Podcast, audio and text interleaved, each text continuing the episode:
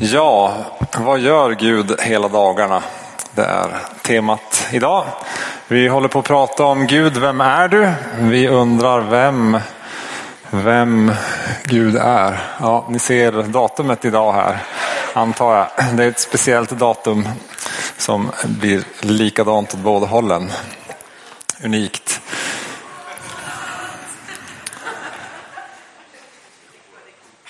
Ja, det är rätt. Jag måste bara kolla så att jag skrev rätt. Så, ja. så är det.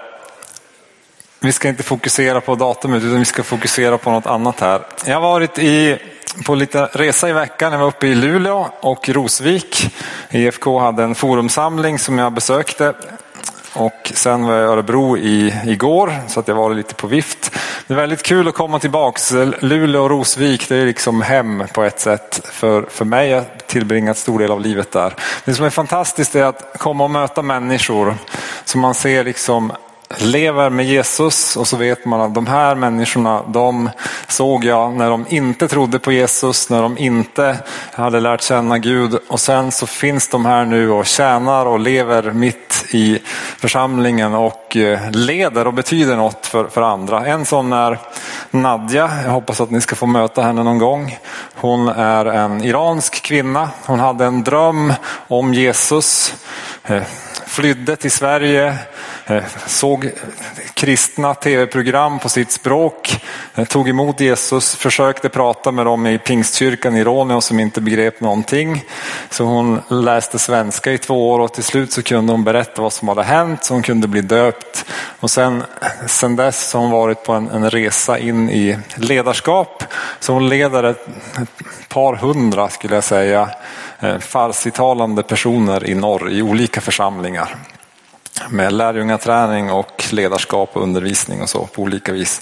Det är jättespännande att se vad Gud kan, kan göra i en människa.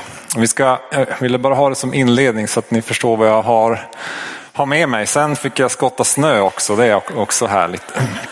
Det har vi inte gjort här i den här stan. Eh, någon sa att det är skottår i år så man borde skotta. Eller hur? Den var dålig.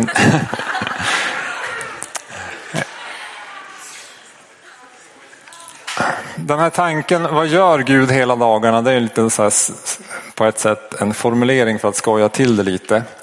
Eh, men vi ska ta upp en, en bild där. Många människor går liksom med två olika bilder av Gud. Det ena är den eh, på den här sidan, liksom där Gud på något vis är en sån här marionettmästare master of puppets heter det på engelska, som styr våra liv, som styr världen, som styr allting in i minsta detalj.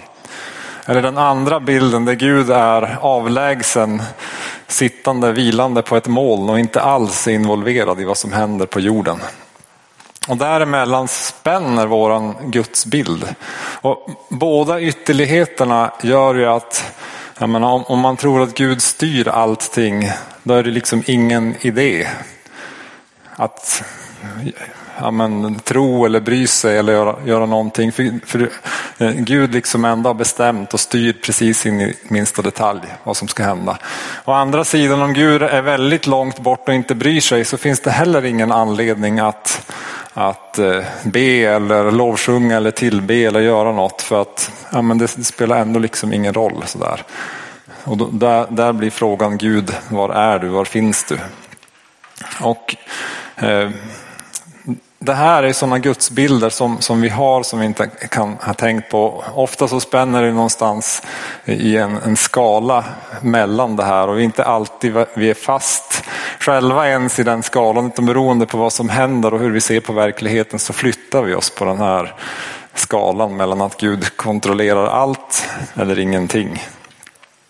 Men vi ska läsa några bibeltexter idag och försöka se vad det är Gud gör och vad det är han vill göra i oss och genom oss. Vi ska gå först till andra Mosebok, tredje kapitlet och läsa från vers 7. Det är berättelsen när Mose går på andra sidan öknen och ser hur en buske brinner och så kommer han dit och förstår att det är Gud som är där.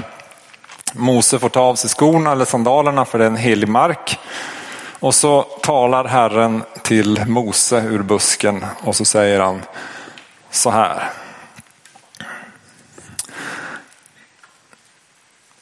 Herren sa, jag har sett hur mitt folk förtrycks i Egypten och jag har hört hur de ropar över sina plågare.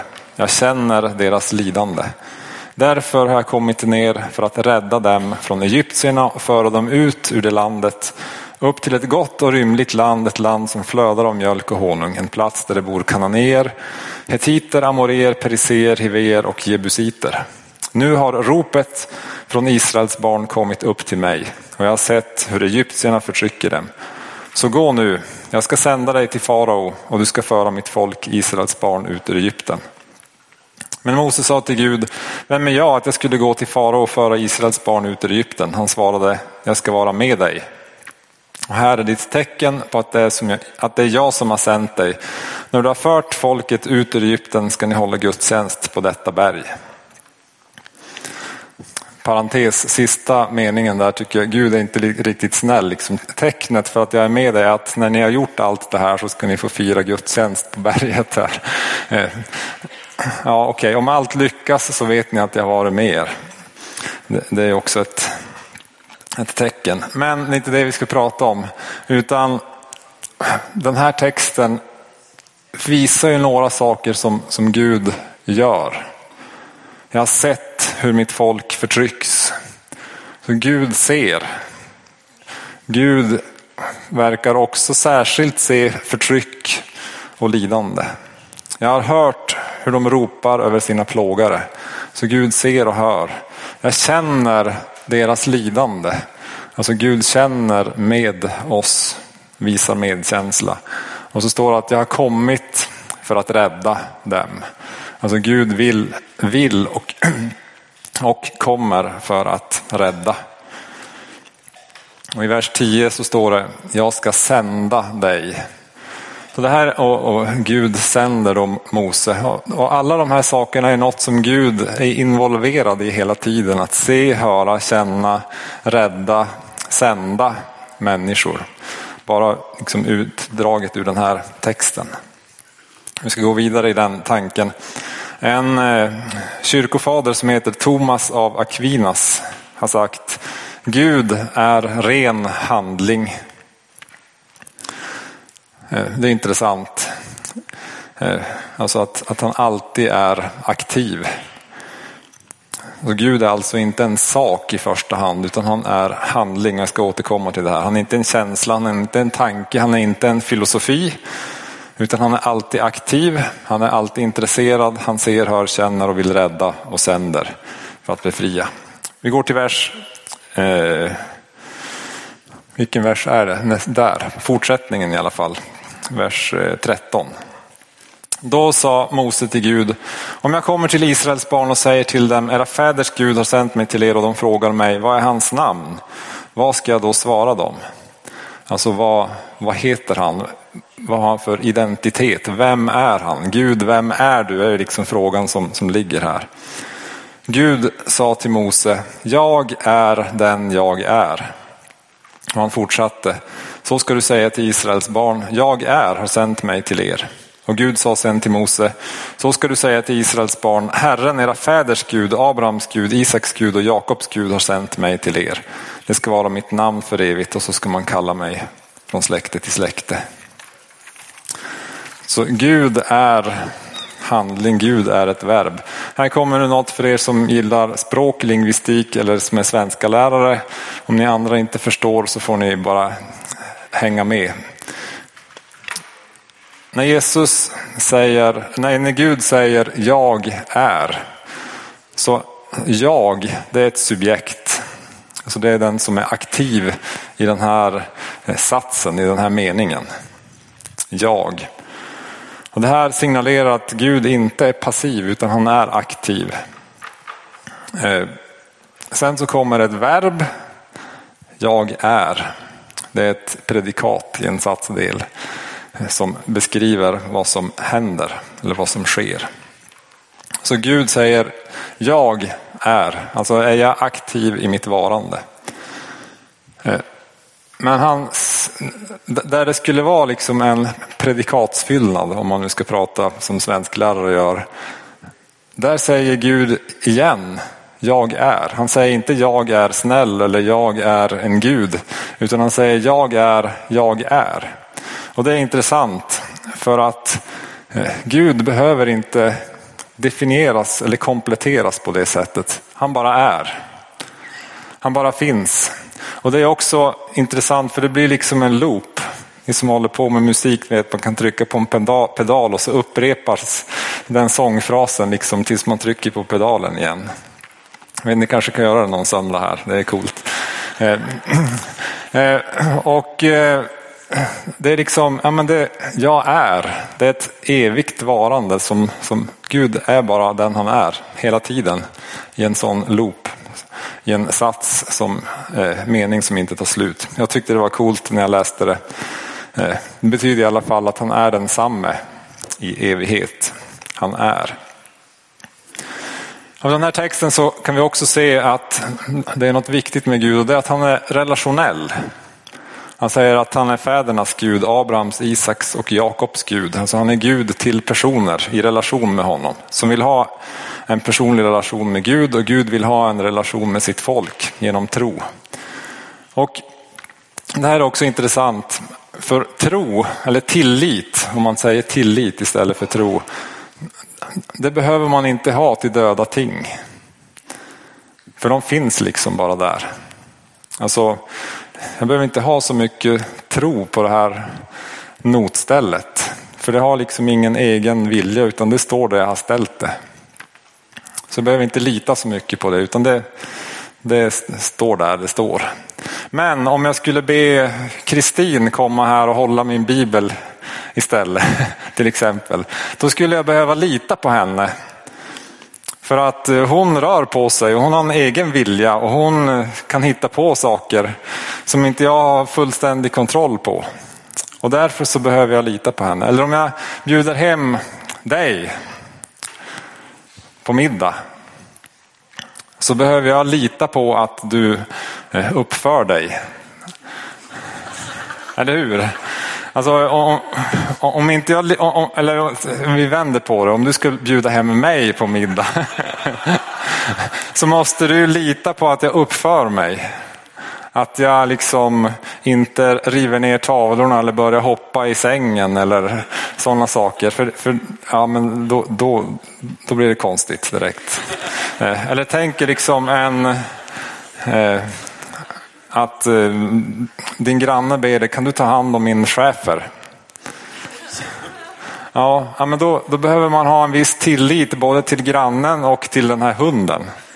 Eh, annars kan det bli som min, min kompis, han hade en riesenschnauzer, en stor hund så här.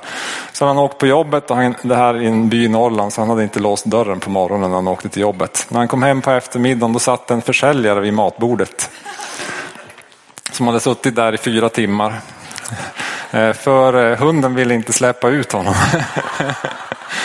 Så han, han vågade inte röra sig ur fläcken så han hade suttit helt still vid köksbordet i, fyra timmar när, när min kompis kom hem. Det, ja, men, levande varelser kräver att vi har tillit, tro för att vi ska kunna ha en relation med dem. Om jag inte litar på, på personen eller hunden eller på Gud så vågar jag inte ha en relation med honom. Och därför så är det viktigt att vi förstår vem Gud är och hur han är. Det räcker inte bara att veta att han är aktiv eller att han är, utan vad, vad är han för oss? Vad vill han för oss? I andra Mosebok 29 och vers 46 så står det och de ska inse att jag är Herren, deras Gud, som förde dem ut ur Egyptens land för att bo mitt ibland dem. Jag är Herren, deras Gud. Så Gud, som vi pratar om, han vill bo hos oss. Så den här bilden om att komma hem på middag är inte så tokig. Gud vill komma hem till oss. Gud vill bo hos oss. Vågar vi lita på honom så mycket att vi kan bjuda in honom? Det är det som är, det är, det som är frågan. Hur ska vi då förstå vem Gud är? Om man vill bo hos oss, hur ska vi förstå att vi kan lita på honom? Jesus ropade, det här är temaversen också för de, för de här månaderna här i vinter. Jesus ropade, den som tror på mig, han tror inte på mig utan på honom som har sänt mig. Och den som ser mig, han ser honom som har sänt mig. Den som ser mig, alltså den som ser Jesus, ser honom som har sänt mig. Och det, det är Fadern, det är Gud.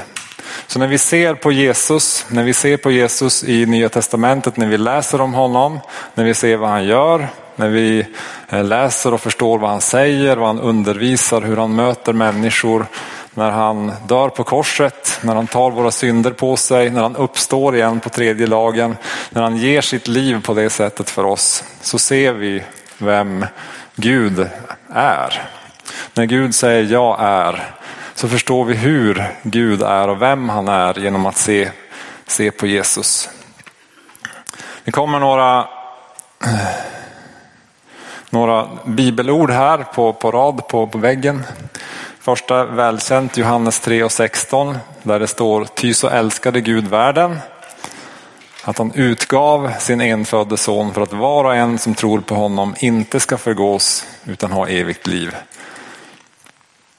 Så älskade Gud världen. Alltså det, det börjar i kärlek hos Gud. Och det är en utgivande sorts kärlek där Gud ger sig själv ställer sig till förfogande men också ger sitt liv för oss istället för oss. Så att vi kan få syndernas förlåtelse, så att vi kan få ha evigt liv. Så att det här jag är i evighet också kan få vara eh, någonting som får beröra oss och ge oss liv i evighet tillsammans med honom, i relation med honom. Johannes skriver också i sitt brev, i första Johannes brev 4 och 16. Gud är kärlek. Så om det är något som definierar det här eviga varandet hos Gud så är det kärlek. Det är liksom den eh, själva substansen i vem Gud är. Att han älskar. Och han älskar självutgivande. Om Gud är kärlek så innebär det att Gud inte, inte kan älska. Det är en dubbel negation så är lite svår att förstå. Men, men det, det, det, är spännande när man tänker den tanken. För ibland så tänker vi utifrån de här gudsbilderna att ja, men Gud har, han är långt bort, okej okay, han är kärlek, han svävar på något mål någonstans. Men bryr han sig om mig? Eller om vi har den andra bilden av att Gud som styr allting så här så, så tänker vi, ja men han styr och händer det något ont så är det också Gud som styr. Men, men om Gud är kärlek så kan han inte, inte älska oss. Så allt det han gör i våra liv eller för oss eller i världen, allt det Gud gör, det är fyllt och definierat av kärlek. Och när vi läser i Bibeln, även när Gud agerar som, som domare så, så agerar han utifrån kärlek först och främst. Och det, här är ju, det här kan man fördjupa sig i, det är ganska djup teologi som jag försöker förklara. Men, men just den tanken att Gud kan inte inte älska. Det innebär att frågan Gud, kan du älska mig? Alltid får ett självklart ja. För Gud kan inte inte älska. Och det, det, här är något som vi får, får, kan, kan ta emot för oss själva, men också när vi ser på, på världen. När vi ser på människor, när vi möter människor, när Nancy möter människor i de grupperna som hon pratar, pratar om. När du möter din granne eller din jobbiga klasskamrat eller vem det nu kan vara så, så kan du vara säker på att ja, men Gud älskar också dem. Jesus har gett sitt liv också för dem, för Gud kan inte inte älska. Matteus 18, vers 19-20, i det sammanhanget står det att där två eller tre är samlade i mitt namn, där är jag också mitt ibland dem. eller mitt, när ni är samlade så är jag mitt ibland er. Och I Matteus 28 och 20 så står det att jag är med er alla dagar in till tidens slut. Och Det här är ju Jesus som säger det själv och det, det är bara en påminnelse här om att Gud fortfarande vill bo hos sitt folk. Jesus vill fortfarande vara närvarande hos oss. Jesus är inte den som styr oss som marionetter och han är inte långt bort men han är närvarande, han är full av kärlek, han har gett sitt liv för oss han, och han älskar oss. Han vill oss väl och det vi kommer in här alldeles strax senare att han också vill sända oss. Han vill att Guds kärlek ska få flöda genom oss. Så när vi ser på Jesus så ser vi Guds kärlek i verksamhet. Vi ser hur Jesus helar människor från sjukdomar. Vi ser hur Jesus befriar människor från onda andar och andra saker. Vi ser hur han visar omsorg mot människor, hur han gör mirakel, han gör vatten till vin och sådana saker. Och han gör det här för att han vill befria ett folk som han vill bo hos, som han vill vara hos i evighet. Och det här innebär att Gud alltid när han är med oss, lovar att vara med oss, alltid också älskar oss. På både nödvändiga och kreativa sätt. Ja, vi hade katter när jag växte upp. Eh, många av dem dog av oförklarliga händelser, men det är inte det som var viktigt nu. Utan eh, katter är speciella, för man kan ju liksom inte tvinga dem att tycka om en. Utan de tycker om dem de tycker om. Och när de tycker om en och är på gott humör så visar de det och så kommer de så här och så spinner de och så stryker de huvudet mot benet och så vill de hoppa upp i knät så där. Och ibland så tänker jag med Gud på det sättet. Jag vet inte om man får, eh, Jesus jämför eh, Gud med en höna i en berättelse så jag tänker att man kan eh, använda en bild på, på, på en katt också utan att vara liksom oförskämd mot Gud. Just den här eh, kärleken som är uppsökande, som är nära, som vill komma nära, som vill beröra oss. Att Gud på något vis alltid är där och väntar på att vi ska ta emot det och ta, ta emot honom och låta honom liksom komma in, hoppa upp i våran famn eller egentligen kanske tvärtom då. Att få den närheten där han kan få uttrycka sin kärlek in i våra liv genom sin närvaro. Det här tror jag är det sätt som Gud också mest verkar i världen. Alltså om, Guds huvudsakliga karaktär är hans kärlek så är han också närvarande och han är också närvarande över allt som vi tror. Så, så måste han ju också älska människor överallt. Jag vet inte om du har tänkt på det. Om man går på Drottninggatan så, så måste ju Gud vara där också och älska människor. Eller i ditt bostadsområde eller var det nu är. Och jag tror att Guds ande är verksam bland de människor som inte känner honom. Och vill dra dem nära sig på olika sätt och visa vem han är. Eh, jag nämnde Nadja i början som hade en dröm där Jesus kom till henne och sa att du behöver följa mig. Eh, jag har berättat tidigare om en tjej som heter Valeria som finns i Ryssland som heter Bognebova i efternamn som betyder ungefär Gud i himlen. Och hon hade funderat på sitt efternamn och bett Gud, du finns i mitt namn, men om du finns på riktigt så skicka någon som kan komma och berätta för mig om dig. Och ett par veckor senare så dök jag, Therese och några andra upp på hennes skola och eh, berättade om Jesus. Hon tog emot Jesus för att Gud hade verkat i hennes hjärta. Och jag är övertygad om att Gud är ute och, älskar människor. Han, han liksom går omkring som en sån här eh, spinnande katt runt människor och försöker visa att han finns och att han, att han vill dem väl på olika sätt. Rör sig i deras tankar, rör sig i deras känslor för att förbereda för evangeliet. Och jag tror att Gud också förbereder på det sättet. Det står i Efesierbrevet 2 och 10 att hans verk är vi skapade i Kristus Jesus till goda gärningar som Gud har förberett för att vi ska vandra i dem. Alltså att Gud förbereder människor, situationer för oss. Så att vi ska få gå in i det när han sänder oss och när han kallar oss. Så Gud är redan verksam i där du bor. Eller i Tensta eller i Rönninge eller Skarpnäck eller på Malmskillnadsgatan eller på din skola eller på din arbetsplats så är Gud där med sin kärlek. Men precis som det är i berättelsen om Mose så är Gud också en sändande Gud. Där han vill att vi ska se det han ser. För Gud berättar för Mose att han har sett den här situationen med förtrycket och lidandet. Gud vill att vi ska se situationer, Gud vill att vi ska se de människor där han är och där han verkar. För att han också ska kunna sända oss in i det. Och jag, jag ser både i Bibeln och i, i verkliga livet att Gud verkar välja att arbeta genom de som tror på honom och som litar på hans kärlek.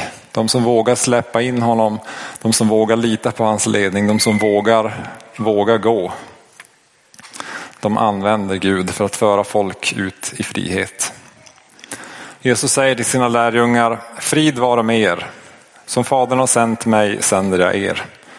Sedan han sagt detta andades han på dem och sa, ta emot den helige ande. Gud ger av sin ande till oss och vill fylla oss med sin ande och sänder oss med sin ande, med sin kärlek. Så vi är sända av kärlek, med kärlek och utrustade med Guds ande, med hans kraft för att förmedla det Jesus har förmedlat till oss. Det vi som tror på Jesus har fått smaka på. Det vi har sett, det vi har hört, det vi har eh, upplevt.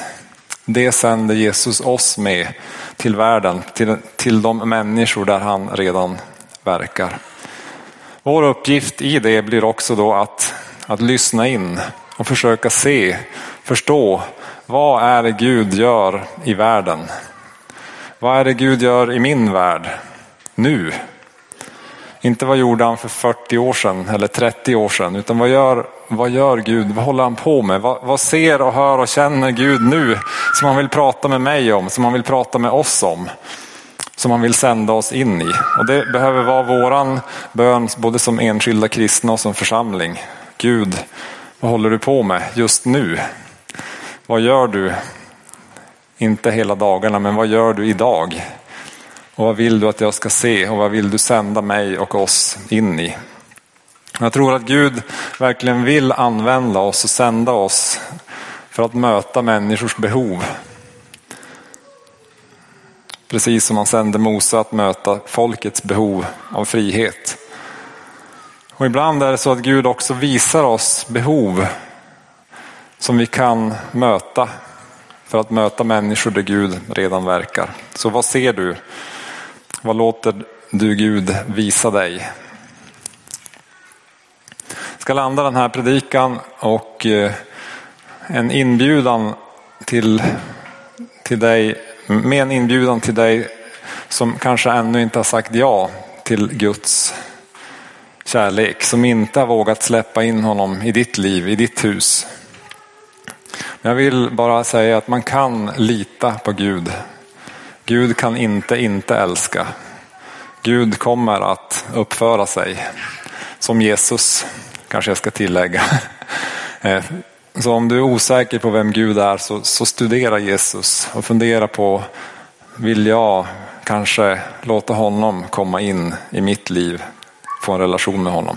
Idag är en bra dag att ta ett första steg. Vi firar, kommer att fira nattvard och då, vi har ett öppet nattvardsbord så du är välkommen att komma och ta del av, av gåvorna som representerar Jesu blod och Jesu kropp och på det sättet öppna dig för hans liv och kärlek. Till oss som församling i första hand så, så är frågan, vågar du be om att få se var Guds kärlek är verksam? Vågar du be Gud, låt mig få se det du ser. Sänd mig in i det du, det du visar mig. Och en tredje inbjudan till oss alla är ju att ta emot mer av hans ande och kraft. Så att vi också kan vara trygga och leva i hans närvaro och vara utrustade för våran vardag. För vi, vi, är en församling som vill leva livet både i kyrkan och tillbe Jesus, men vi vill också leva i våran vardag för att andra människor ska få en del av Guds kärlek och få smaka på Guds självutgivande kärlek i sina liv. Amen. Herre, vi tackar dig för ditt ord. Vi tackar dig för att du visade vem du var för Mose. Tack för att du är den du är. Herre, jag ber nu i avslutningen här när vi ska gå in i nattvardsfirande att du, att du eh, kommer och möter oss. Att vi får uppleva din kärlek, att vi får smaka på ditt liv. Jag ber att människor här idag ska få våga att öppna sig och ta emot mer av dig. Hjälp oss också som, som är dina barn att få se och höra vad du säger till oss. Ge oss mod att gå när du sänder oss. I Jesu namn. Amen.